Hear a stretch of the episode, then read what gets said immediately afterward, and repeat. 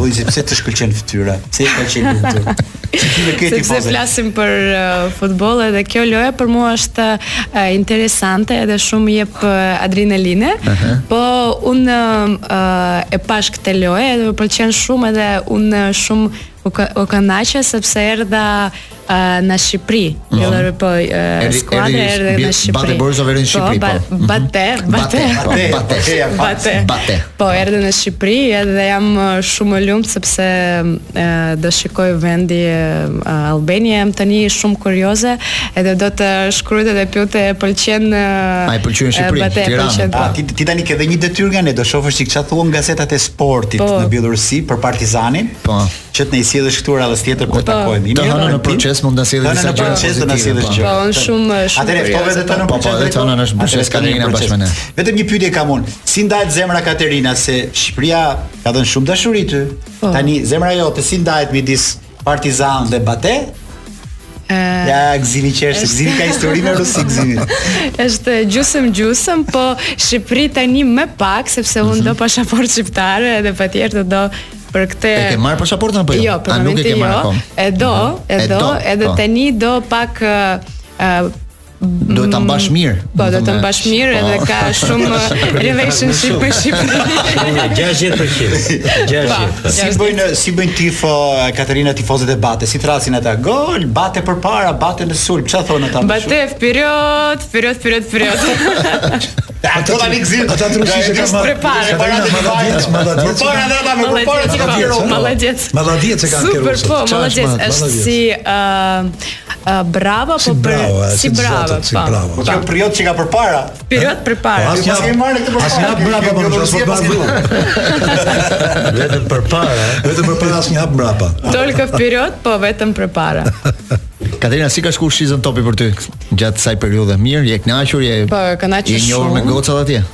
Po, kënaqesh shumë është uh, procesi shumë të bukur për mua, edhe unë pëlqen gjithë procese. Okej, okay, është uh, çik u lodhme, po u lodhme me, me shumë energji e mirë, edhe jepi shumë energji pastaj. Vetëm do pak uh, më shumë gjumë, po është për mua s'ka problem.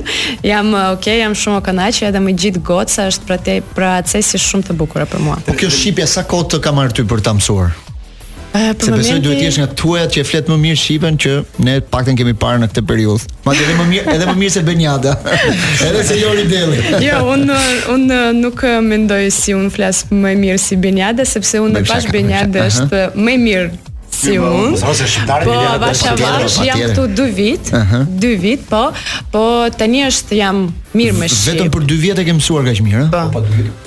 Po. Ti vetëm duke folur kështu apo nuk nuk është se ke bërë ndonjë kurs ndonjë gjë? Jo, kurs jo, jo. sepse kur filloi kursi, pastaj u çmenda.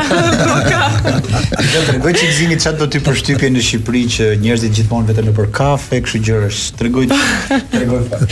Po, është për mua është tamam e vërtetë sepse njerëz në Shqipëri pëlqen shumë rri për kafe, 3-4 orë, pi një gotë. Shumë kohë sepse unë pi kafe 5 minuta jam finish edhe iku për punë. po kafja, s'e ke kuptu akoma, kafja në Shqipëri është punë. Ah, shumë. Ma në rrugë një që kafe. Aty bëhen punët. Të një është... Punët më të mira bëhen ke kafja. po, është kur njerëz iku në Shqipëri për punë. Çfarë duhet të ketë parasysh Partizani Ndeshjen e kthimit, ndeshja nuk zhvillohet në Ndeshja luhet në Hungari. Luhet në Hungari, një pra, stadium sepse... të vogël, ë uh, larg Budapestit, duhet thënë, është një stadium prej 4000 tifozësh. Po. Një stadium i vogël, gati një si një kompleks stërvitor, mund të themi sepse po. do të luhet pa tifozë, kështu që Bate nuk kishte pse të harxhonte për një stadium të madh duke qenë se ndeshja është po, pa tifozë. Po duke pas parasysh si luan Bate Borisov, çfarë duhet të ketë parasysh Partizani ndeshjen e kthimit? Unë e vërtet do shikoj këtë loja sepse jam kurioze sepse është një një. Po. edhe tani unë jam shumë kurioze për të shikoj si duket këtë loja tani jam po. kurioze sepse kush është më e mirë Bielorusia apo Shqipëri A ty të duket është e vërtet kjo Po Ti na the pak më parë që ke dy vende të preferuara në Shqipëri, Tiranën dhe Sarandën. Po. Sa shpesh shkon në Sarandë? Ë uh, un uh, shumë pres për ikun në Sarandë sepse uh -huh. është në Tiranë është në verë më mirë. Sepse është shumë vapë, po në Sarandë mhm. është pëlqen shumë. Pse të pëlqen Sarandë? Ë uh, sepse është ka det. Uh mhm. -huh. Edhe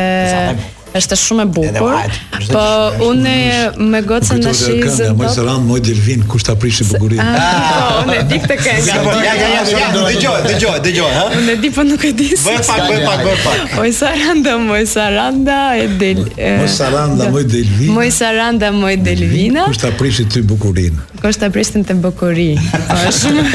Kam një pyetje fundit drejtor qofse më po. lejon për Katerina sepse e kemi edhe një minutë sa të shkojmë publicitet. Çfarë do kishte qejf Katerina të bënte në televizion në Shqipëri në rast se do donte të rrinte, të bënte kështu gjëra. Çfarë do kishe qejf të bëje ti? Ah, diçka. Po, patjetër. Uh, unë më pëlqen shumë flas me njerëz, mm -hmm. edhe pëlqen flas me gjithë tema, mm -hmm. po më pëlqen me Edhe me fan, nuk e di, dua po shumë flas. Po te gatimi mund të shihja unë ty, të pëlqen gatimi ty? Se merr një ide. Jo. Po, prandaj duhet te gatimi nga çdike, çipo të shoh. Është shumë fani pastaj kur nuk gatuan. Okej. Kishim pra dashur miq Katerinën, mikeshën e Shihemi n'Topit. Katerina po, Dubenik. Dubenik tifoze e Bate Borisov. Bate Borisov në Tiranë. E cila mbrojti Baten me me gjithë mundësitë e veta. Për Zemra për shkak pasaportës anon te Partizani dhe kjo na pëlqen shumë sepse po. ke një të infiltruar. Ndeshja e dytë pra do luhet mes Bates dhe Partizanit ditën e martë në në Hungari ku barazimi nuk vlen sepse golat tani në fushën kundërshtare nuk vlejnë më. Kështu që skuadra që do të fitojë do të kalojë përpara në raundin tjetër. Ne falenderojmë Katerinën që ishte me ne. Shumë faleminderit. Do të shkojmë në publicitet e rikthehemi pastaj diskutojmë. Po mos u largo Katerina pa na thënë një gjë bjellorusisht se si largohet. Hmm.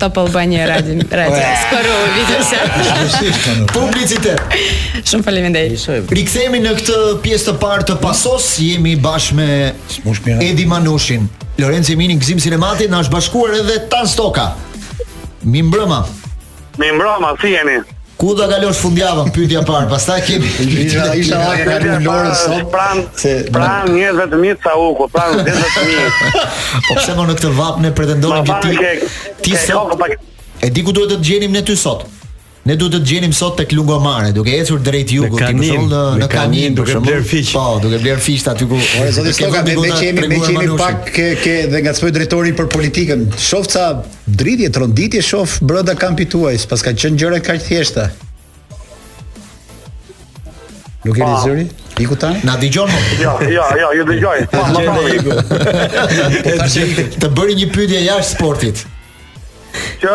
Do ta përsëris. Ah, do të thotë, jo, ideja është kjo. Inshallah s'e ke dëgjuar me gjithmonë dhe ta nuk ta me ne, po ideja është kjo që shofim brenda kampit tuaj politik ca momente të dobta ca ca situata që sa dalgë. Ti duhet të bësh ti bësh varë. S'i dinim më përpara, ne i kishim mbajtë fshehta, domethënë mbas votimeve dolën këto. Po, nëse jam i lirë të flas mendimin tim personal? Patjetër. Je shumë keq, me të mos thuaj budalliqe. jo, nëse Sali Berisha nuk është në burg, asnjë s'do të ikë në burg më. Nuk vlen më. A ne. Ai shumë thjesht, mendimi im. Ai kemi ke Partizani sa fjalë më fort. Partizani ka ekspert. Jo, janë ankuar. Janë ankuar tifozët e Partizanit nga ndeshja e fundit, nga paraqitja jote në tribunë.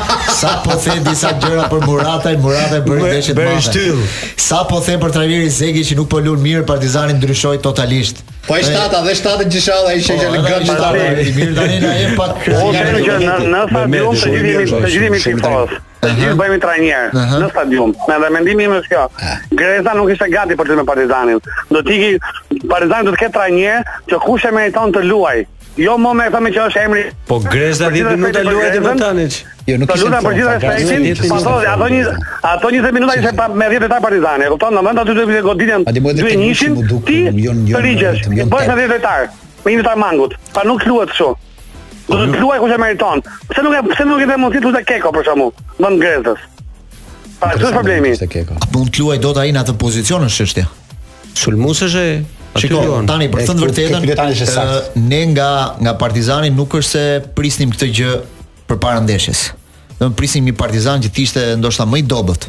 Jo, ai na na entuziazmoi, uh, patjetër na na hapi horizontin. Partizani na na, na tregoi tani sot dimë informacione Partizanit. Ashtu nga ndeshja që këtu proces. Që luajti, që luajti Partizani të martën, ne dimë informacionin, dimë se si mund vendosej. Pamë që Grezda ishte me meritë në stol dhe nuk e nisi ndeshjen nga fillimi sepse nuk ishte në gjendjen e vet më të mirë. Pamë që moduli që kishte zgjedhur ishte, ishte moduli i duhur. Ishte në stol dhe ishte pa meritë kur ishte në fushë tani. Po po, ishte mungesë shumë e theksuar. Pa meritë në fushë ishte. Mungesa tek mungesa i mungesa e theksuar e Matondos në mesfushë nga Partizani mendimi im. Mm -hmm. Mehmeti bëri një lojë të mirë, Mehmeti lojtari i ri, i ardhur nga Erzeni, uh -huh. por mungesa Matondos dhe këtu këtu ka çik problem klubi mendoj unë sepse nëse ti nëse ti merr Grezdën dhe i jep X lek dhe merr një lojtar që i jep X lek dhe mban Matondon që qe lojtari më të mirë në kampionatin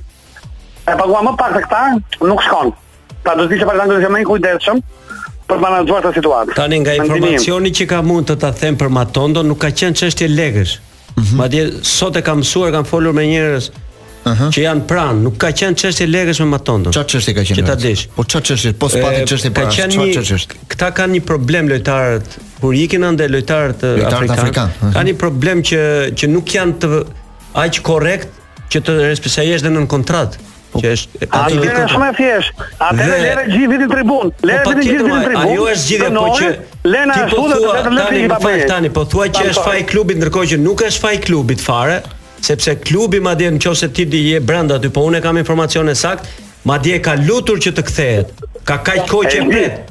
Kështu që ti di shumë mirë të bjerë. Po çfarë? E ka takuar edhe Olti, edhe Olti, edhe Gazi vet. Nuk do të luajë me Partizanin, kaq. Nuk do të luajë, po, po pra, ka një kontratë për të respektuar. Po pra, po dakord, po këta Lojt sa thashë që lojtarët afrikanë kanë probleme me sjelljen e tyre her pas here. Uh -huh. Dhe jo vetëm ky, e ke e ke e ke parë me lojtarë të, po, tjerë që ikin uh -huh. dhe pastaj nuk kthehen ose thyejnë po, kontratën. Ky është problemi. Qendërmbrojtësi, qendërmbrojtësi dje që është afrikan, Saliu, uh -huh. në për informacion, në një dy vjet. Po, e, po shtoruan po, një stra njerëz po. të tjerë, Ilir Daja e kishte lënë, ka luajtur vetëm me Ilir Daja dhe s'ka luajtur më. Dhe pikërisht, ama rrinte atje kokulur, është stërvitur dhe ka thënë, po, do vjen momenti im. Po më vjen është karaktere të pra. ndryshme kjo pjesë, kështu që atëherë unë jam si klubi, mbi klubin s'mund të dalë asnjë lojtar. Me këtë lojtari, meqë është në kontratë, dënoje aty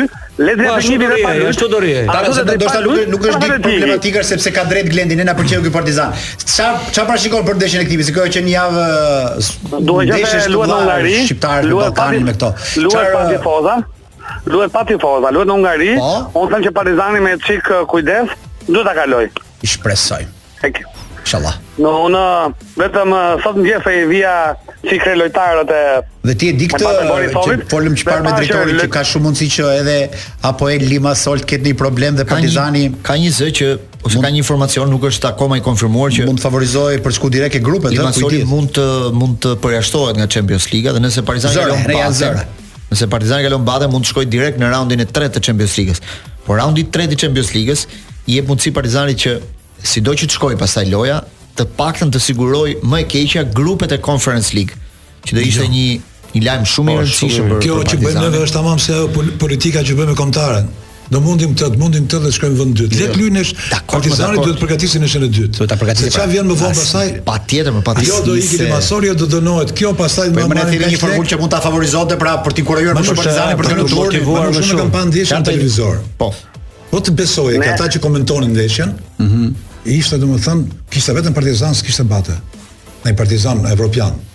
Nëse ekzagjeroj një qartë. Një, një koment, domethënë me doza të larta euforie dhe biles kur krijonte raste Bate zëri ulej minimum, kur krijonte Partizani zëri ishte maksimum. Nuk e di domethënë cila anë e profesionit të lejon që mos gërthasë dhe për të shtatë dhe për të rikthyer se kanë për të parë. Një ditë deri se më mos tymke kjo se sa edhe ju falë. Po ka duhet të vini kujdes se nuk mund të bësh euforiston, është pjesa e euforisë që vjen nga media edhe kur transmetohet ndeshja. Qartë, qartë. Prandaj them le të përgatisi Partizani ndeshjen me kujdes. Po. Me vërtet që ajo që tha Çeri është e vërtet që doli Partizani më mirë se ç'e prisnim. Po, po na pëlqeu. Po. Impakti ishte domethënë që do shkonin Partizan tjetër. Po ishte një Partizan shumë më. Ama do shumë kujdes. Ndeshja e dytë favorizon ata. Pse? Po ishte një ekip i ftohtë. Po ishte një ekip i ftohtë. Do luhet në një futboll në një stadium të ftohtë. Ishin domethënë nuk ishin domethën ato që pamë neve. Kam përshtypjen që Baten nuk e njihshim shumë. Duket që s'ka ne thamë që BATE-ja nuk është ajo që ka qenë po jo është ekip me të rinj, por ata të rinj që ishin ishin koncept të luanin prisja një Bate ndryshe, edhe prisja një skuadër situata atje. Më të fortë. Jo, a, u dukte, u dukte që ishin ata kishin vetëm një gjë, që ishin shumë të qetë. A ata ishin ata të ishin të dizinteresuar, por kishin brenda stofin e e këtyre njerëzve që Kjo ftohtësi më më bezdis. Ishte ai numri 90 atje për shembull. Po dhe të rinjtë e Bates. Po, po, po, ishin brenda lojës. Tani po, po, po, vetëm po. nuk e di nëse pe momentin ne ishim bashkë afër në stadium, ai momenti i Da Silvës që Lorenci në stadium tha nuk është penallti, po duke parë disa pamje në po, ekran pastaj u pa që ishte penallti. Ishte penallti. I vetmi madje sot i kam dërguar Lorencit një video për ta parë momentin dhe të bëj një sqarim, të bëj një sqarim sepse nga ai moment Ai është rast, është faull i sigurt. Po. Diskutimi është është brenda apo jashtë, që është diskutim që. Ishte brenda zonës, ai ka marrë shumë më lejimin. Edhe unë atë po tani nuk jam shë, se është duket mbi vijë që po është mbi vijë është penalti. Por. Atëherë pyetja ime, pse UEFA punon me tre standarde? Pse nuk ka VAR në prem në Jo, kishte, kishte VAR. Kishte, kishte VAR. Dje ka pas VAR. Kishte VAR. Tani këtë doja të shpjegoj tani. S'e po kërkuan dje ata? E kërkoi, po, vazhdoi. E kërkoi dhe vazhdoi. Vetëm këtë shpjegim Glen.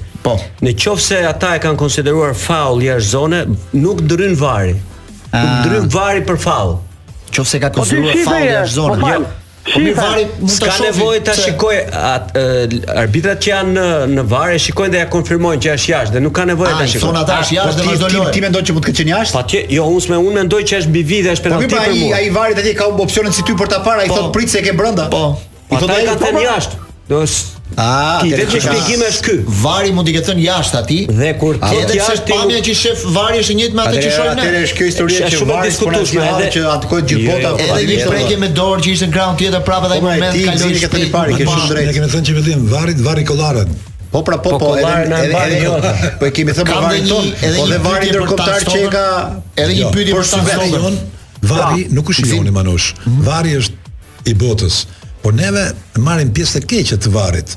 Se është nga, nga kultura që ne vendosnim fatin e ndeshjeve në mënyrë arrogante, sa të vishte një teknologji që nuk ka ndërkohë pa gabime të VAR-it nëpër botë të çuditshme këtë. Po gabon sa duhet. Këtë vit. Një pyetje për Tan Stokën, do jetë brenda delegacionit të Partizanit në Budapest? Atë akoma se kanë vendosur, atë vendos presidenti Demi bashkë me drejtorin Rama, por ideja është që unë do thosha që trajneri i ri i Partizanit ka futur një frymë të re. Po. Pozitive është, ka futur frymë të re. Ekipi është i bashkuar, që është shumë pozitive. Dhe për ndeshjen e kthimit kam çik merak krahët e mbrojtjes. Ata ishin shumë të rrezikshëm, nëse e vutë re në pjesë të parë, ishin dy të rrezikshëm. Parashikim para se të shkojmë publicitet. Bëj edhe një parashikim para se të shkojmë publicitet. Tani ti ti atë një këshill tani. Zero dhe me penalti kur i tani do ti vet personalisht do të luash në mbrojtje. Partizani. Se në sulm ke marrë karton tani. Sjellja jote tani ti përfaqëson dhe procesin atje. Kujdes se të kanë parë njerëzit duke duke tepruar. Ai ishte tifoz i Partizanit. Jo, po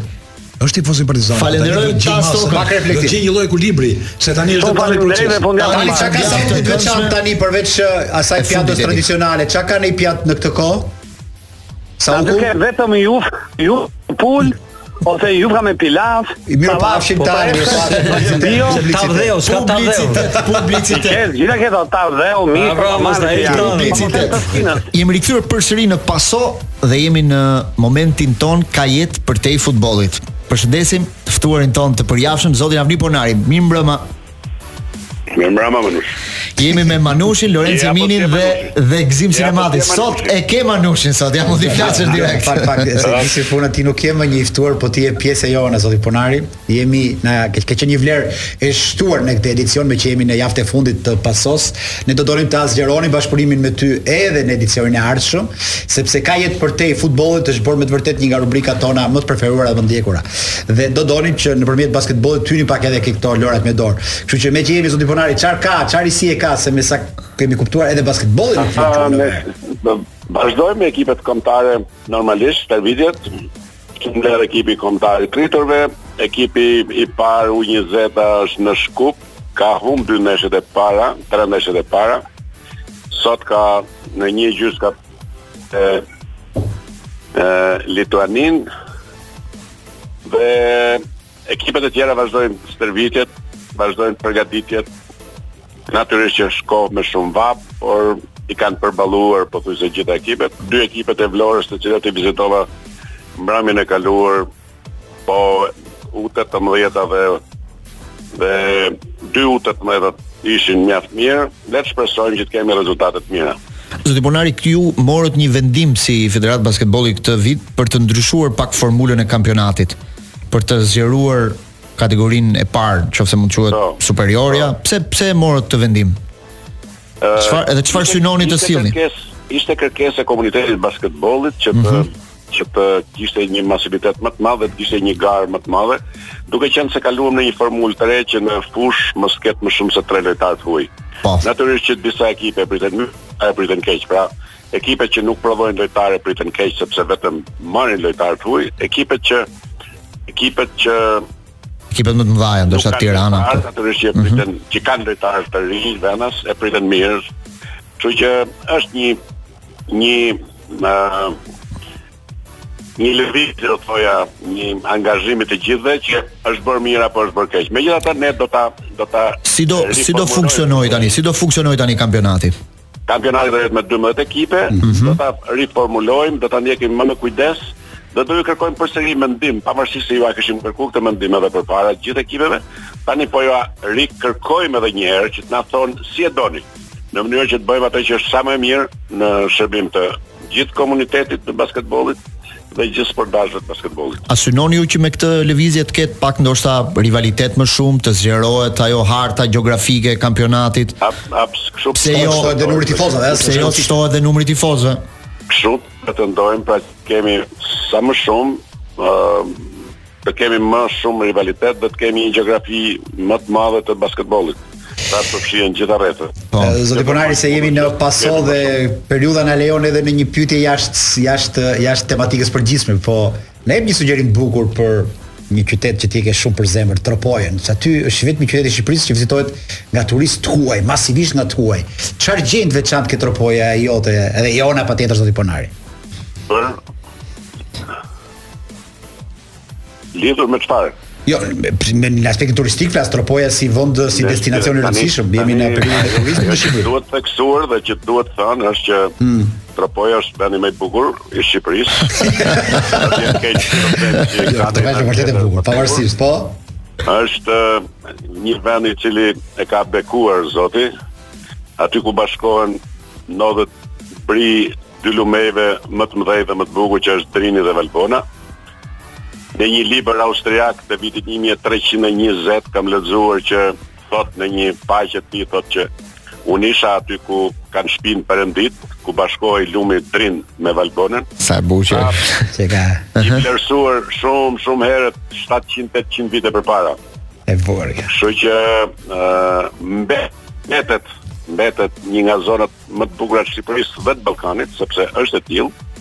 Ju nuk keni vizituar kurrë bjeshkët e Valbonës, bjeshkët e Tropojës që janë bjeshkët më të bukura mbrapa majës Shkëlzenit dhe në krahun tjetër të Valbonës. Kemi ne aty na duhet një guidë, një guidë si puna jote dhe ai hoteli që ke nisur e ke mbaruar apo jo se ke 10 vjet me atë hotelin, një nga hotelet më të bukura atje në Tropojë. Jo, nuk kam nuk kam 10 vjet, kam 4 vjet, por që, që të mbaroj një hotel me pesë yje do dhe infrastrukturë me pesë yje. Është vërtet, është vërtet. Më jepni infrastrukturën me pesë yje dhe të bëj hotelin me pesë yje. Zoti Ponari, na jep dhe këshillën tënde të fundit atë të siguracioneve këtë periudhë të vitit dhe realistisht që do të diskutoni. Këshilla ime e fundit është ju që shkoni me pushime, mos shkoni me pushime pa bërë sigurimin e apartamentit. Mos shkoni me pushime pa marrë me vete mjekun, me një kartë shëndeti. Mos shkoni me pushime pa patur një travel insurance ose një siguracion shëndeti në udhëtim, sepse ato janë mundësitë më të mira për të përballuar çdo lloj humbje financiare gjatë qëndrimeve me pushime.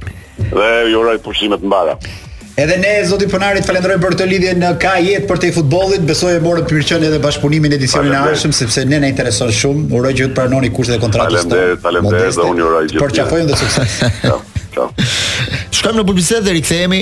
Pak çaste më vonë të flasim dhe pak për skuadrat e Kosovës në Champions League. Rikthehemi në Paso dhe menjëherë fjala për Manushin pasi ka një informacion shumë të rëndësishëm. I rëndësishëm se ka të bëjë me syzet, optika gjermane një risi për të gjithë ata që duan cilësi dhe garanci. Aty do të gjeni xhama optikë prodhim gjerman të certifikuar nga markat më elitare gjermane patjetër. Janë të vetmet të certifikuar, siç është dhe rasti i Rodenstock. Po të keni parasysh një nga cilësitë më të jashtëzakonshme të xhamave.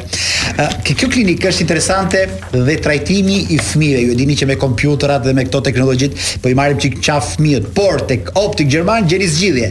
Ambliopia, shikimi i dobët, strabizmi, çdo shqetësim që vini re tek fëmijët, do ta gjeni zgjidhjen më optimale tek Optika Gjermane. Optika Gjermane gjendet te Komuna e Parisit, është në Tiranë pranë Crystal Center. E keni dhe në Instagram në faqen German Optic, kështu që mos iu ndani. Ne do doja të flisim pak dhe për merkaton, pasi këtë këtë javë u shit nga Lazio për 40 milionë euro dhe është blerja një nga blerjet më të shtrenjta të Arabisë Saudite Milinkovic Savic. Oh. Sepse po të shohësh e di çfarë strategjie kanë arabët këtë vit. Për klubet që i blejnë lojtarët nuk kanë bërë oferta të jashtëzakonshme.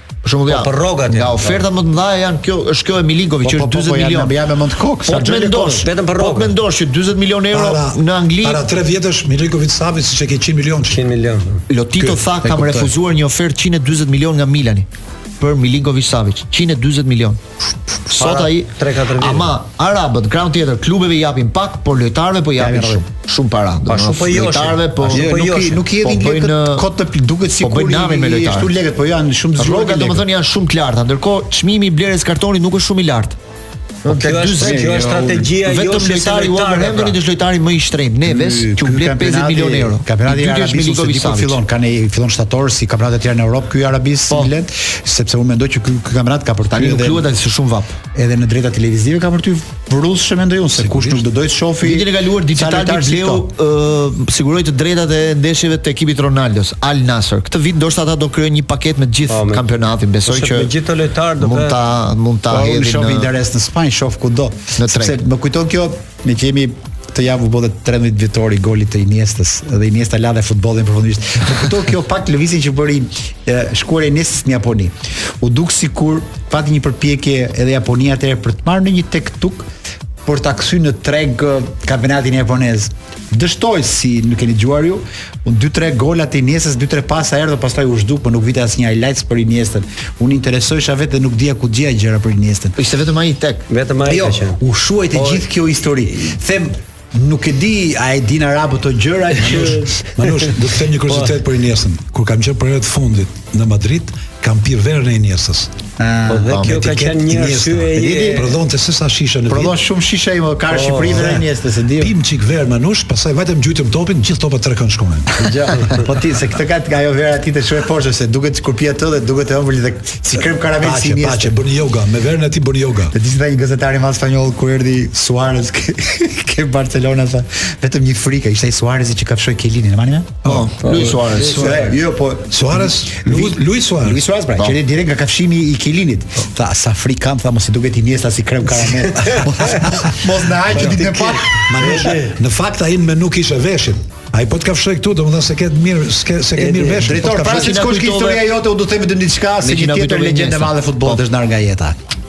i madhi Luizito Suarez. Topi i vetëm i artë spanjoll. Spanjoll. Po ai një vetë si një legjendë unë habita. Edhe me Inter nga mënyra se si është janë bërë omazhet atij në Itali.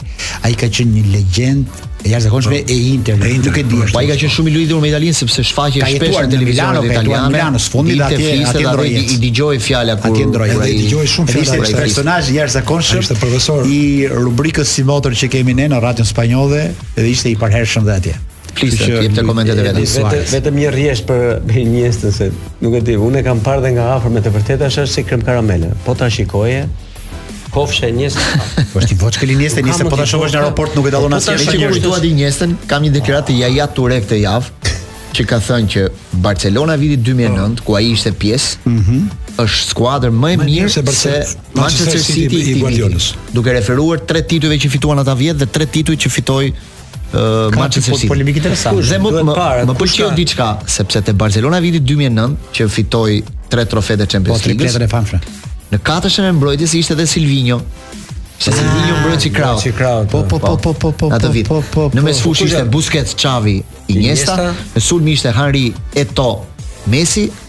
Dhe pastaj në mbrojtje ishte Jaja Ture, Pike, uh, Silvinho dhe ai me flok gjata në dhe Pujol. Dhe Pujol, bravo. Portieri po, po, ishte po, po, Viktor po, Valdes. Po mbrojtësi i djathtë. Jo, Manush. Viktor Valdes. Jo mbrojtës i po djathtë. Po duket se i djathtë ka luajtur Pujol në atë kohë. Manush çfarë treshe? Aktivizohej pak në krah. Samuel Eto,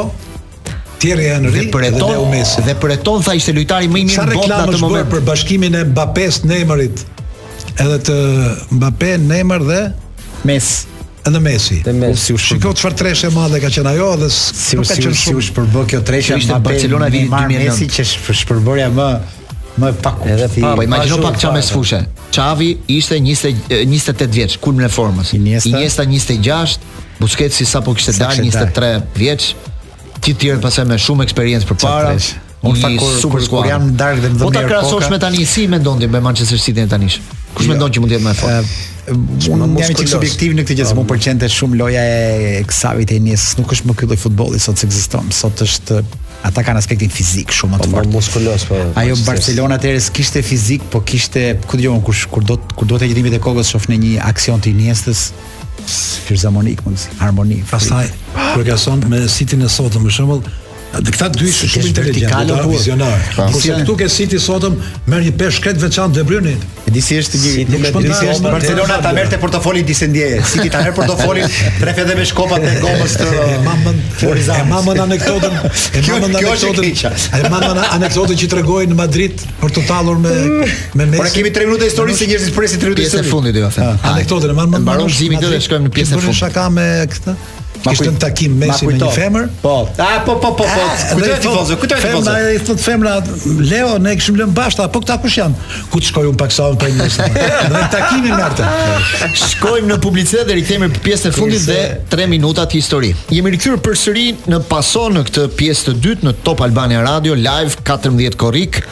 Jemi gjithashtu edhe në Melody TV si çdo javë tashmë nga ora 18 deri në orën 20 çdo të premte me Edi Manushin, Lorenc Jeminin, Gzim Sinematin. Por më përpara kam një njoftim për t'ju dhënë nga Jute Credit. Imagjino një lojtar rezervë gjithmonë gati sa herë të jetë e nevojshme për ty. Tashmë nëse shkarkon aplikacionin My Jute, mund të aplikosh falas për limitin e shpenzimit dhe ta përdorësh vetëm nëse të duhet, për çdo gjë që të duhet. Tamam si një lojtar rezervë gjithmonë në xhepin tënd. Falenderojmë dhe Jute Credit. Blendi kam dhe unë një njoftim. Patjetër. Më ka çuar një mesazh Sokol Kushta dhe thotë po ky Ylli Aga kishte lindur kur luajte në Barcelona. Ylli këtë ka të keqe që entuziazmohet shumë për këtë ndeshje.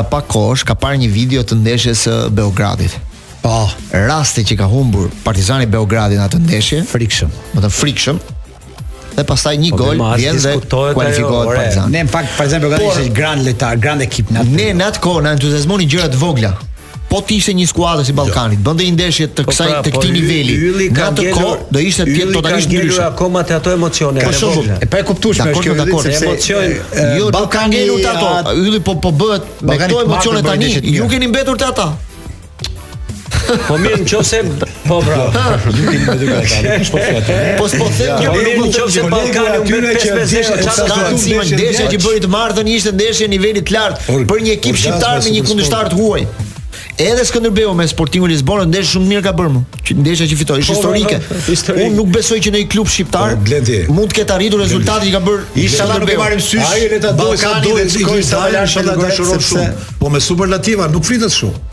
Tani ai thotë ka mik i lirë. Da, po tani ka rëndësi ne kemi shumë trajnerë. Nëna bëhet çefi. Nuk ngatrojmë simpatinë për individin, ta kalojmë. Ne na bëhet qejfi në gjykim kolektiv. Shqiptari bën një ndeshje të mirë. Meriton, meriton jo. shumë në këtë moment. Ata një skuadër që ishin në fazën e grupit se nuk e Për mua, ka bërë hapa përpara. Edhe ky Partizanit me ekip 20 ditë, 30 ditë dha impakt atje edhe neve të çift. Po e ka meritë. Po ky Ky trajner që erdhi për 3 javë. Po me së trajneri ka modeli, le të jetë modeli që punon. O jo, o Gzim fal, le të jetë modeli Ballkani, ne ku ta gjejmë që kemi një model shqiptar s'e fut fare është modeli jonë për ta ndjekur.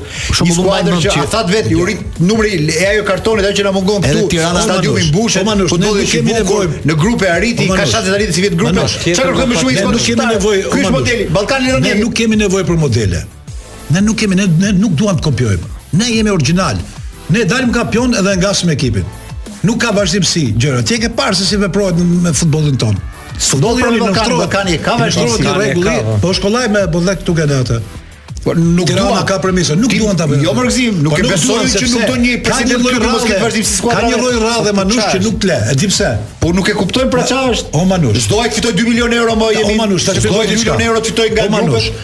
Janë më lirshëm ata, janë më hapur, janë më më dëgjon deri, janë më hapur ata për të fituar 3-4 tituj rresht, sesa të marrësh këtu ne 3-4 tituj rresht. Po ndërtove një ekip shumë të mirë, që të ecë logjikisht, që të ketë dhe tregun e mirë, të marrë dhe gjithmonë të forcohet me logjikë, kush të lë këtu 4-5 vjet që një ekip dominojë kampionatin shqiptar?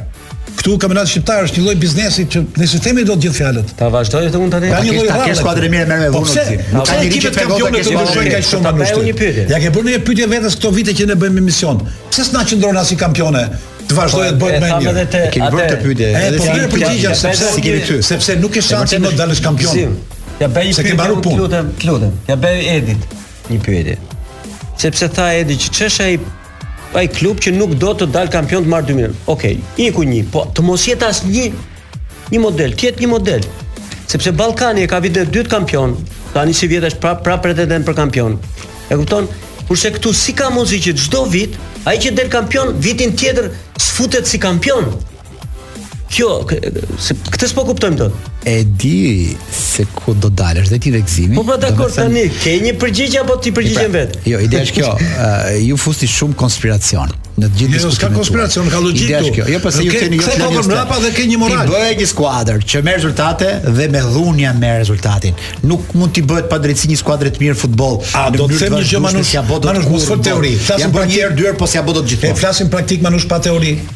Shiko, Tirana ka thyer gravitetin e titujve, Tirana. Tirana, ti e pe ç'ndodhi me Tiranën, do ishte kampione prapë. Tirana, kur e kishte fitu titullin tjetër? Para dy vjetësh. Para dy po, vjetësh. Po një po një. Ka kishte një titull më para para sa po, kohësh? Me Egbon, para 3 vjetësh, 4 vjetësh. Në një farë mënyre, është rebelia më e madhe kundra këtij sistemi, që nuk të lejon të dalësh shpesh kampion.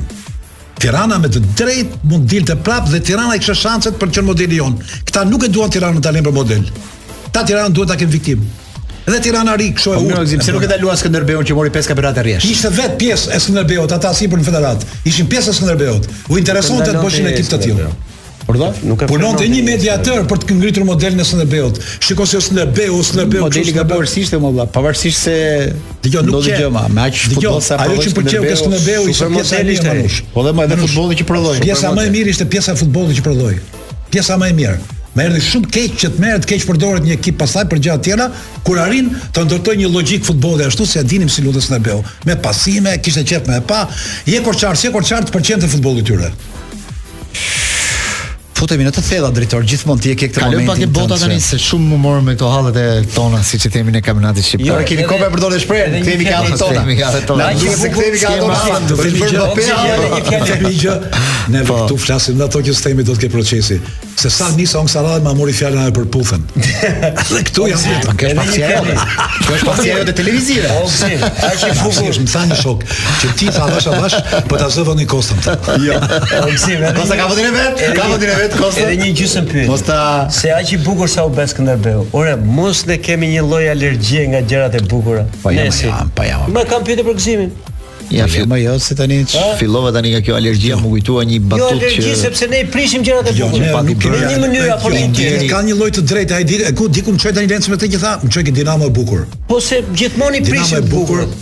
Përpara Skënderbeut. S'e qef ta shikoja. E kampionatit. Bravo, po. Dinamo. A e prishëm. Me ekip elegant, ekip i bukur me vizion, luante ëmbël. Kisha qef ta shikoja. Ja 10 ndeshje dhe doli kampion. Mirë që e zbritën poshtë, po i shkulën rrënjët. E varrosën fare, i morën futbollistat. I morën si la memër, një nga Amsterdam, një nga edhe eshtrat janë nga. Atë rikzim. Më kujtua, dini që po mos ishte Dinamo në atë xhestion që ishte, sepse gjithë xhestioni të lë të bësh ç'të duash me. Po të ishte Dinamo në ca duar të tjera. që nxirrte dhëmbët për çdo gjë nuk e lë që të shkojë Edi jo jo jo. S'i ka fare të forta përderisa ata që ishin humbën gjithë ndeshjen, përderisa u lan për dorët, përderisa dorëzoi stepet çdo gjë me leci. Ishin ata më Kjo është fatkeqësia e atyre po në të cilët bie dorë futbolli. Drejtor, m'u kujtua nga kjo te Lorenci dhe pjesë e alergjisë ndaj të bukurës, një intervistë që patëm me të ndjerin Agim Rada në dhjetor ku ai tha një gjë për të bukurin që komunizmi në atë kohë nuk e donte të bukurin. Sa shifnin një femër të bukur apo një mashkull të bukur tha e sulmonin, e grinin. Po m'u kujtua tani si duket vazhdon po kjo edhe po, pas viteve 90 alergjia ndaj të bukurës, domethënë. Rri një moment shumë e bukur kjo fjalë. Kjo kjo le të shërbejë edhe një si një elegjie që ne bëjmë për të madhin artistin e madh Agim Rada i cili u nda nga jeta këtë javë. Ne kemi bërë atij me autor Glenda Bari një super galeri Vetëm 7 muaj më parë ishte në dhjetor shumë e bukur. Një nga intervistat që janë më të bukura. gjithë njerëzit që t'i hedhin një sy sepse është në YouTube ajo mund ta shikoni se është një intervistë thuajse e fundit e jetës së tij. Edhe kjo alergji është shumë interesante. Alergjia ndaj të bukurës duhet kuptuar dhe në film. Është dhe alergji ndaj të ndershmës. E saktë, e saktë. E brenda të bukurës është e ndershmja. S'diskutohet. Se kjo që ka vlerë më shumë kanë është ndershmëria. Tani në këto momente këta njerëzit pa nder komandojnë më shumë se njerëzit me nder. Kjo është shumë e vërtetë. Dhe me këtë finalizim sinematik, zhvrar nderi. Shkojmë në publicitet dhe rikthehemi pas pak. Jemi rikthyer përsëri në Paso në këtë pjesë të dytë dhe flasim pak për merkaton, pasi në Itali largimi i Brozovic drejt kampionatit arab, drejt Arabisë Saudite, mund t'i lërë pak hapësirë më shumë Asllanit për të qenë protagonist këtë vit. Asllani dihet që vitin e kaluar luajti pak ndeshje, nuk pati shumë minuta, edhe pse ishte një Një investim shumë i rëndësishëm i i Interit. ë një gabim që bëri në ndeshjen me Barcelonën, qoftë se mban mend Edi, mbaj mend, e mbaj me një mend. pasim që nuk e dha, por e goditi Pse vetë dhe duhet ta humbi atë vuajë rast shumë atë gabim or burr. Ai Se besoj për se atë është- rast nuk është ajo ka që- qëndruar rreth 3 ditë thoshte pa fjetur. Me atë. Po ai rast ndikoi shumë edhe në raportin e tij me tifozët. Interi vërtet u kualifikua në në atë situatë, por po të ishte shënuar gol, domethënë po ta kishte dhënë atë pasim dhe goli do ishte më i sigurt. Ka pasur lojtarë shumë të fortë, uh, dhe Brozovic edhe Çalan. Ajo sigurisht e la pak mbrapa në krahasimin e tij. Ai ai ka nevojë të ketë një shans tjetër tek tek Interi dhe mund ta ketë. Ai erdhi si lojtar që ishte zëvendësuesi i Brozovic. Në drejtë Manush, në momentin që s'luajti Brozovic, Interi bëri zgjedhje tjetër, Çalanoglun për ta vendosur aty dhe për të thënë të vërtetën u paraqit shumë mirë. Po tani shanset me largimin e Brozovic shtohen. Do të thotë që Interi me sa duket kërkon të jap këtë vit një shans më shumë dhe minuta më shumë. Ne e pamë ndeshjet me Kombëtaren, ndeshja e dytë që zhvilloi me me Ishujt Faroe, bëri ndeshje super. Asllani për Inter është Asllani dhe për Kombëtaren, mos harro. Nga gjithë blerjet e mëdha që kanë bërë ata arabët në këtë kohë, kjo më pëlqeu më shumë nga gjithë. Brozovic, blerja Brozovic. Na liroi, i liroi vendin Asllanit. Kjo është blerja më e goditur aty. Edi, kurse mua më shqetëson një blerje si e Brozovicit. Se, se më, më shqetëson sepse këta arabët nuk duan vetëm glamur, po duan se Brozoviçi në logjikën tonë është pak si klasë punëtore e futbollit. Duan dhe Brozoviçin. Po, duan dhe mesfushë. Edhe me vetë të ore kuçi është mushka këta. Them që ata po kërkojnë çdo gjë. Kjo që thua ti është mushka, ata po kërkojnë çdo gjë. Kjo që thua ti është ata që lidhin ata kanë një projekt për futbollin, jo vetëm për glamurin. Lind në Angli një pyetje, po me Bernardo Silva çka më A kupton se ishin deri dje, ke emrat, ke këta, ke fund pensionistët, ke këta,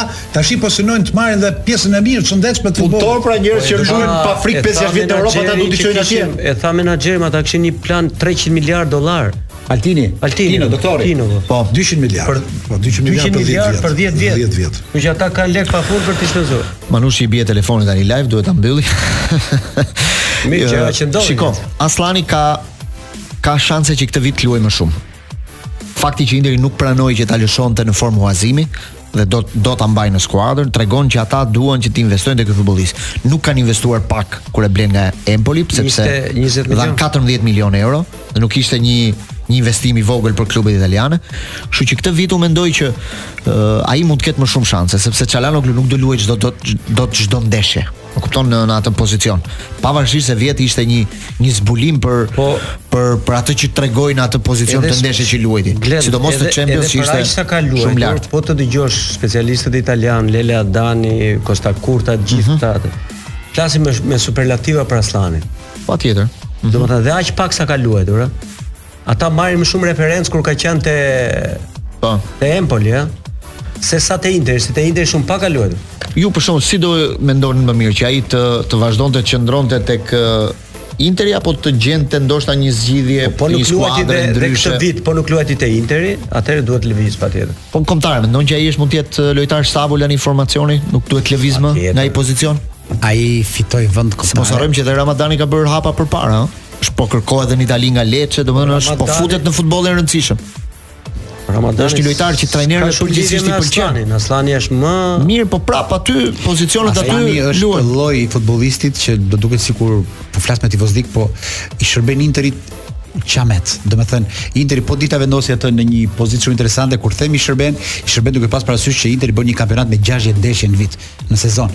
Në këto 60 ndeshje ka ndeshje me kal ka nga këto ndeshje ku se s'bën i duhet një si Asllani dhe aty e i evidentohet për të parë se si pastaj si dhe një lojtar si Asllani që pjesë por në formulën e kombëtares tonë më duket një lloj dëftesë për këta lojtarët që nuk qisin të japin ide që nuk dëshisin kanë ftoftësi kjo kombëtare me tipa si Asllani me atë tipin tjetër mesfushorin Bajrami atë mia mia mia si e ka çuni Mitaj mbrojtje mbrojtje këta mbrojtje mbrojtje Prandaj themi thashë dhe atë ditë që nuk sforcohet ne kur merrim një fitore atëherë me Greqinë, me Armen, me Igli Taren, me këta.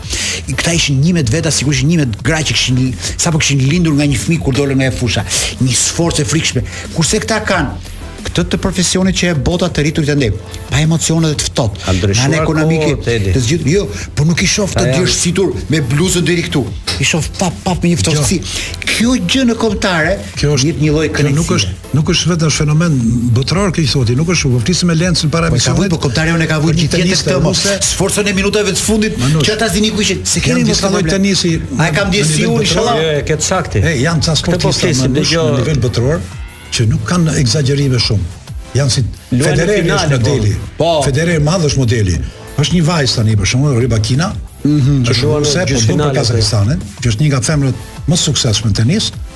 E di si, e di si e manaxhon situatën apo jo? Po si Djokovic, si këta lojtarë të mëdhenj, me përgatitje psikologjike fantastike. Ka një vizë që atje mm -hmm. është shumë e fortë, nuk ka ato gjestet që e kanë gjithë sportistët e tjerë që o shkojnë lart o shkojnë poshtë, ka një qëndrueshmëri të madhe psikologjike dhe ajo të ndihmon shumë në sport. Dhe këtu, ti the për Interin, unë do thoja në qoftë se ai sigurohet dhe ka një vazhdimësi në kombëtare, do shikosh një Asllan tjetër. me po, Silvinho, në qoftë se atë po e thua për mirë. Beson më shumë dhe të jetë i rregullt në kombëtare, po, ke për të parë një cilësi tjetër. Se di pse ky si akoma nuk e njohim. Ky Asllani nuk më evokon mua asnjë. E ke parasysh sa na del në mend një lojtar i ri që themi tip Rraklli, tip Skela.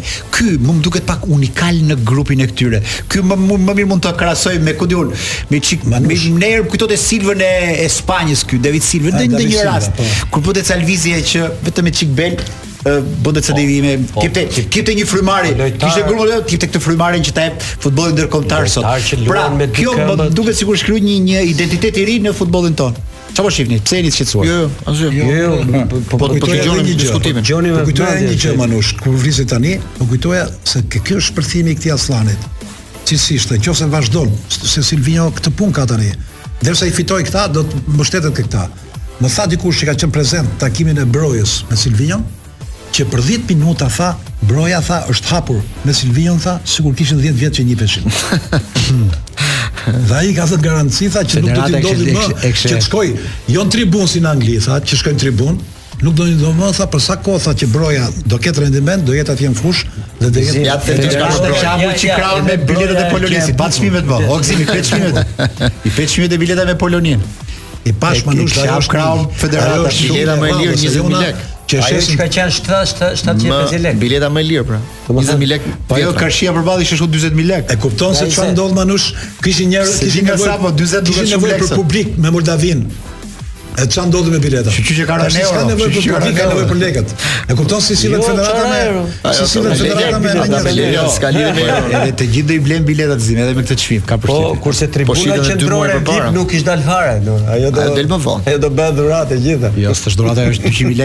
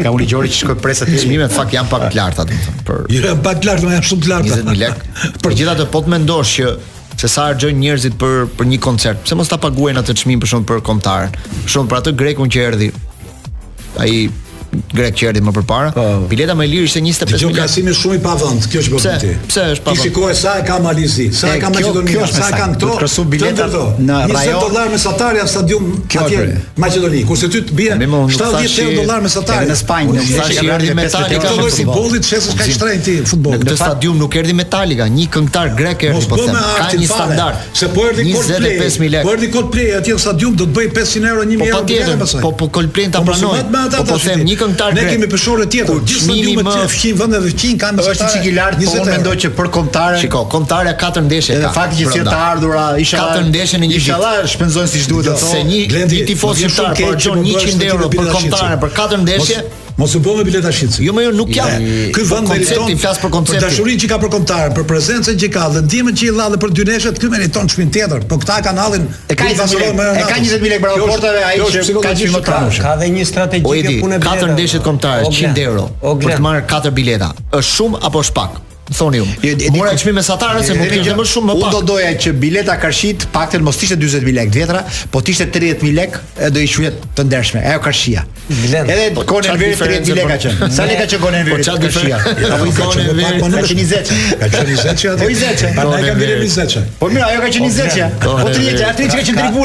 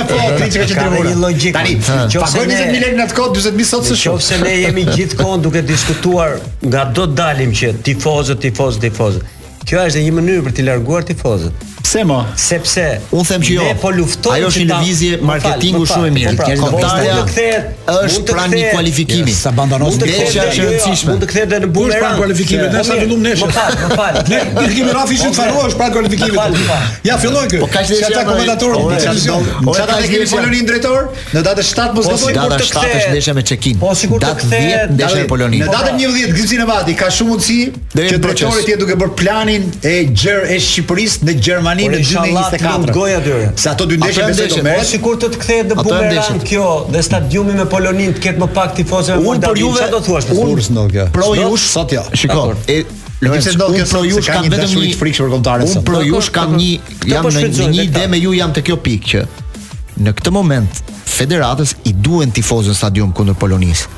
Ti mos mos mendo për të fituar parat kundrejt pra, po, pranisë këtë, në stadium. Pra po themi, për këtë jam okay. Po për këtë po themi. Por, por kam diçka. Ka studiuar edhe e shoh edhe ato me këto çmime. Një çmim mesatar 100 euro në vit për kombëtare. Po nuk merret kështu. Nuk po besoj jo, që është një çmim i lartë. Po marr çmim mesatar se ka dhe më pak, ë. Mund të jetë më kanë dalë biletat online shitje kanë dalë. Kanë dalë janë biletat në shitje. Atëherë ka mundësi të më marrësh një pesë bileta në zyrë të jam 200 lekë ti provosh nisi. Unë do t'i shes të shtrenjtë ato. Unë tani do të tregoj ty që kjo biletë që sot bën 40000 lekë. Ditën e ndeshjes që do ketë shitje mundësi të 80000 lekë. Nuk dua me këtë të promovojmë treg zi, tregun e zi të gabuar. Mua një bas ma leo drejtori ta bëj. Ajo ti më ke munguar. Për shkak të Poloni është ndeshja e do t'ia blekën. Jo, dakord. Shqipëri Poloni është ndeshja më e rëndësishme e grupit tonë. Këtë mos harroni, aty vendosen fatet e po, gjithë grupit tonë. Rikthehemi pas rubrikës që i lashtë o Manush, jemi në paso në këtë pjesë të dytë. Rikthehemi tani flasim pak edhe për një skuadër që Duhet thënë këtë javë ka bërë një surprizë siç është Ballkani i Kosovës. Ballkani i Ilir Dajës. Dhe për këtë do na ndihmojë Ylli Aga, ai që nuk besonte që Ballkani do arrinte të merrte një rezultat, por ja që Ballkani dhe Ilir Daja e habitën dhe atë dhe kthyen parashikimin. Përshëndetje Ylli Aga. Përshëndetje drejtor Glendi. Tani javën e kaluar the gjithë skuadrat shqiptare do kualifikohen përveç Ballkanit. Kam thënë do kualifikohen gjithë skuadrat shqiptare, ndërkohë që Ballkani ka 10% mundësi. 10% mundësi ke thënë, ëh? Mundësi, edhe më çuditë që e kalove bëri një surprizë Ballkani, Ballkani po, ka është vërtet edhe na habiti. Jo, unë u nisa nga fjalët e tua, Ylli, nuk nuk e kisha vënë re, domethënë që ti the Ludogorec është kundërshtari më i vështirë, Ballkani me gjithë skuadrën e mirë, me gjithë trajnerin e mirë nuk e kalon dot. Jo, Ylli Aga nuk ka nevojë për avokat, po duhet të them diçka. Pavarësisht kësaj që ka deklaruar Ylli Aga, Ylli Aga ka dëshmitar Gëzim Sinematin. Jo, në dallim nga gjithë ne, ai e ka dashur këtë rezultat se ka qenë i vetmi nga gjithë ne në stadium për të parë Ballkanin, kështu që Ylli ka përgëzuar. Ai shikon dhe Partizanin, Ti nuhate diçka ke Ballkanin. Ti nuhate diçka ke Ballkanin, apo jo? Ah, Manush, edhe në emision që kemi qenë bashkë, edhe në çdo rast që na u dha mundësia të komunikojmë, kam thënë që nëse do të kishte një kampionat shqiptar me të gjitha ekipet e trojeve shqiptare, Ballkani, për momentin një skuadër e mirë, do të ishte vërtet, kampione e trojeve mbarëshqiptare. A, sikur të kishim një. Duke vendosur një bosht numerik për, për disa krahasime, paraqitja e Ballkanit në ndeshje me Ludogorec ka qenë Absolutisht maja më e lartë që një ekip shqiptar ka bërë ndonjëherë në kupat e Europës dhe këtë e them me bindje absolute. Loja që ka zhvilluar përballë këtij kundërshtari. Edhe se Skënderbeu në vitin e Skënderbeu. Po. Nuk kam asnjë ndeshje të Skënderbeut në memorie që në nivel cilësie të jetë më lart se sa Ballkani. Okej, okay, okay. e thënë nga ty ka shumë vlerë, prandaj të Jo, jo, jo.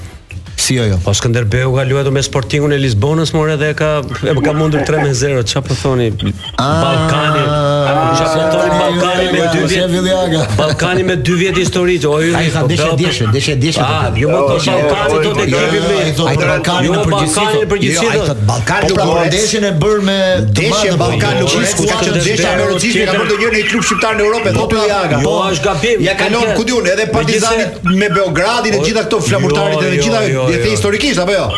Po ça Ballkani dy vjet klub tani Ylli thotë. Aga. Or or or, or Lorenc më ndiq, po them ndeshja e Ballkanit që për nga cilësia e lojës ka mhm. qenë niveli më i lartë që një ekip shqiptar ka bërë ndonjëherë. Këtë kuptova.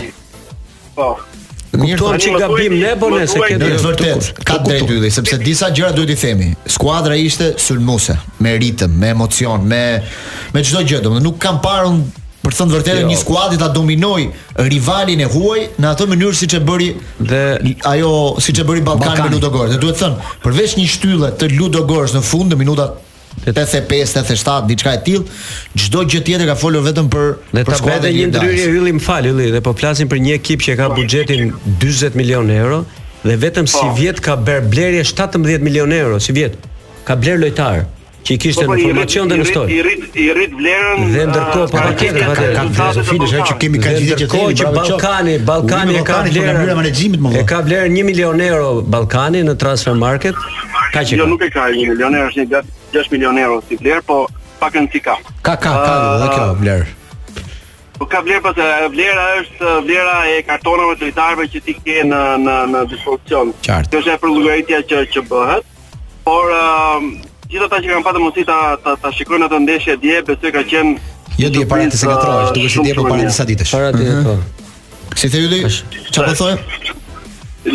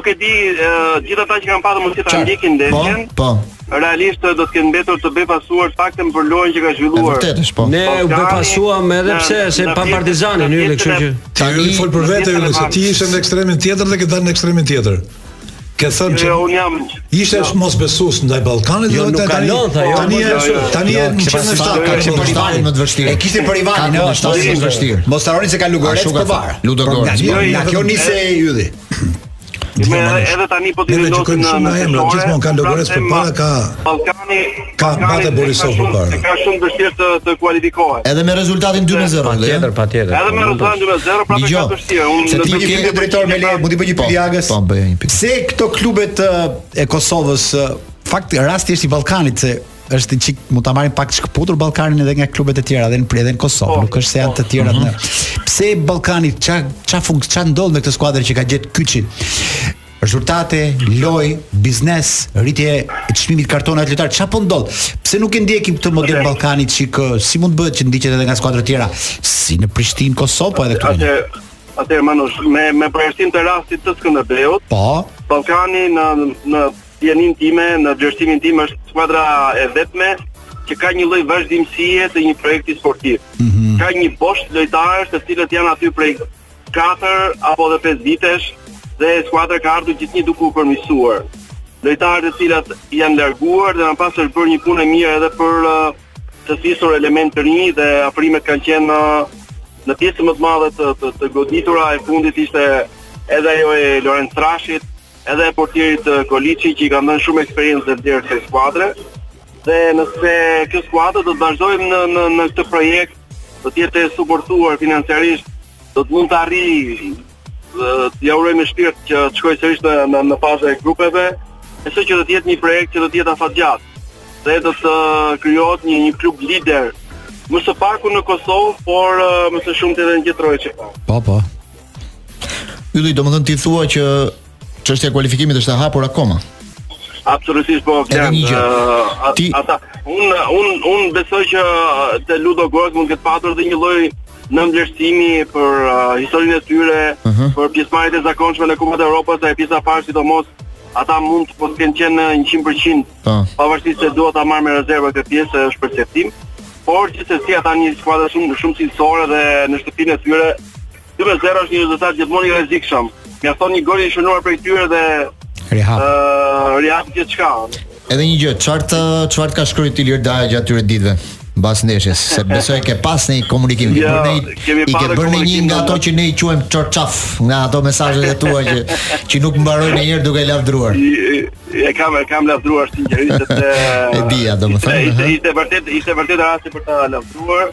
Aha. Po ai çfarë tha? Puna shumë ma. E ka shijuar pa fund.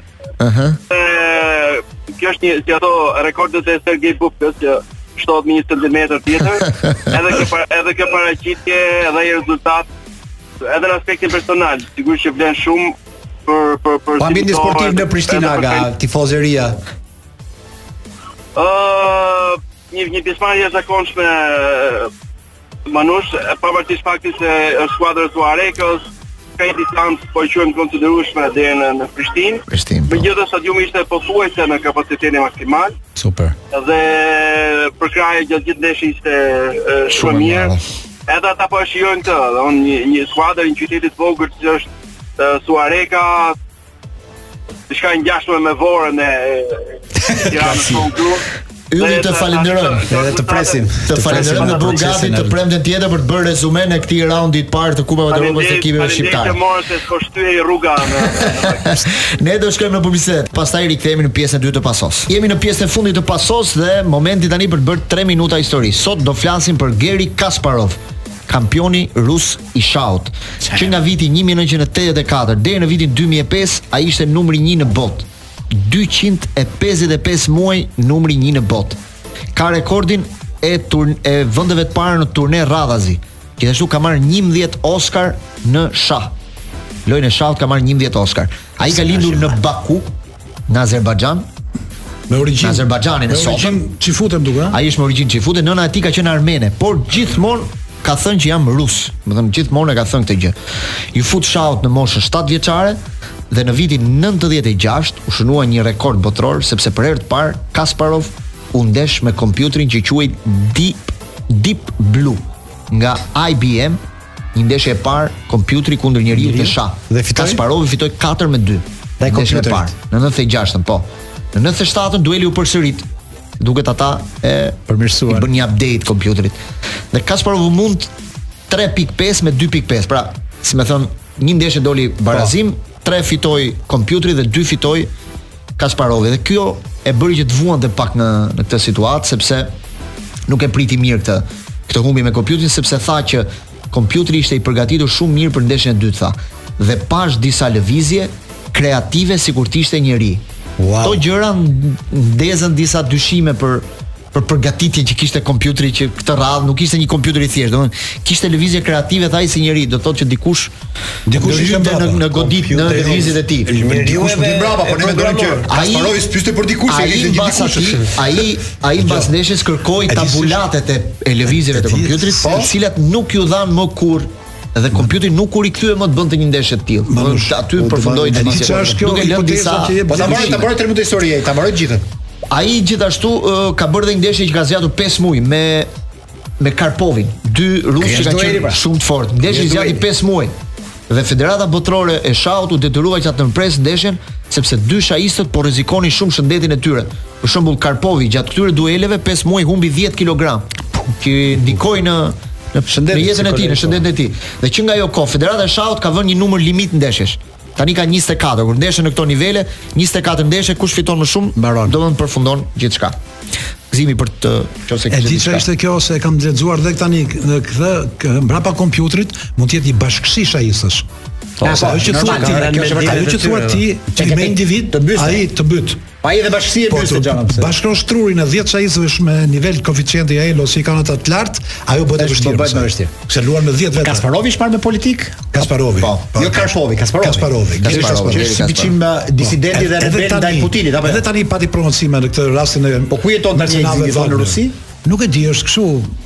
Apo është kundërshtar jo i me Putinin, shumë i madh. Ok. Ishin 3 minuta histori, Glendi e ke kapur këtë 3 minuta histori dhe me të vërtetë ka shumë interes, kështu që na e ke ndërkombëtarizuar. Në këto pak minuta të fundit do të them diçka për Vinicius Junior, pati 23 vjetorin këtë javë, mm -hmm. ai do firmosë shumë shpejt një kontratë me Real Madridin që do e lidhë deri në 2028-ën me një klauzolë 1 miliard euro. E për kush skuadër oh. do ta marrë? është 1 miliard euro dhe interesantja ka qenë me Vinicius Junior që sot është një nga lojtarët më të rëndësishëm të Realit për të mos thënë më i rëndësishmi pas pas largimit të Benzema shkursori. Ai në moshën 16 vjeçare debutoi me Flamengon në ekipin e parë dhe në moshën 17 vjeçare ishte një lojtar fiks i formacionit që 17 vjeç. Por ama, kur e bleu Reali i Madridit, e çoi në një periudhë të luante me skuadrën e Castillas, me skuadrën e të rinjve. Castillas, po, Castilla që është e dyta. Skuadra e dytë e Madridit dhe pati probleme në atë kohë. Nuk nuk arriti dot të shfaqej siç duhet. Dhe Reali u tremb sepse bëri një investim 60 milionë euro e bleu 40 kartonin, dha disa komisione te familja 8 milionë euro familjes, 8 milionë euro menaxherit, i bonuse, domethënë ishte 60 milionë euro një investim shumë i madh për një 17 vjeçar, dhe u tremb. Në këtë moment kërkoi ndihmën e Ronaldos. E i thotë Ronaldos brazilianit që ça po ndodh me këtë futbollist, se blem një lojtar kështu. Ronaldo shkon ta shohë në disa seanca stërvitore dhe ndeshje miqësore që zhvillonte skuadra e dytë, thotë që jo, thotë ky lojtar është stërvitur keq me Flamengo, thotë. Ai nuk stoponte dot topin, imagjino, i vinte topi brazilian, nuk e stoponte dot. E çuditshme. Dhe Reali çfarë bën? Bën një e fut në një plan një vjeçar me një stërvitje të personalizuar me disa shkencëtar që e ndihmojnë që ai të rritet dhe kjo ky një vit i ndryshoi komplet historinë e tij me Real Madridin dhe prej dy vjetësh ai është sot një nga lojtarët më të rëndësishmit në. Ky një vit bëri që në 2026 1 miliard klauzola. Dhe në 2026 mendohet që do jetë lojtari kyç i Brazil i Brazilit në, në botërorin e vitit 2026 dhe fakti që atje mund të shkojë Carlo Ancelotti të jetë trajneri i kombëtares mund ta ndihmojë sepse Meqë përmende Ancelotti dhe ndoshta jemi në fund. Po. Presidenti i Brazilit Lula I Doli pyetur kundër. nga gazetari për Ancelotin tha, po ky s'ka zgjidh problemet e Italisë me të folurën e tij Lule. Edhe pak si përfaqësor ke gjëra. E mendon Ancelotti sikur të ishte nga mezi i Italisë këtu, edhe nuk e dinte që futbolli sot është komers, po tha, të kualifikonte dhe Italinë për botëror, që pastaj vite kene. Se Çuna, ju falenderoj. Pse, do flasim për Ju Marksist falenderoj Tirana, javës Lule. tjetër tani, s'kemi Jo, kohë. Ju Lule falenderoj është të Marksist treve. Tirana, mos harro. Kaloni një fundjavë të mirë dhe Gjithashtu suksese gjithë drejtor. klubeve shqiptare. Takohemi të premten e ardhshme.